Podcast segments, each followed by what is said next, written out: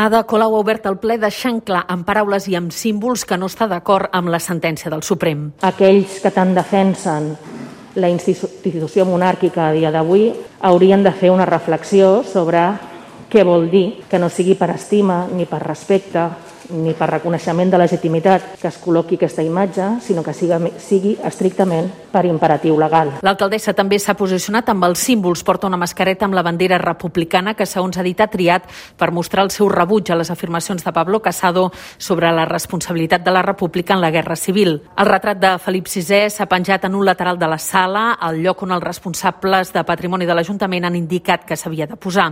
És una foto petita amb un marc senzill, molt diferent del bus del seu pare, el rei emèrit, que durant anys va estar just a sobre de la cadira on seu l'alcaldessa de la ciutat.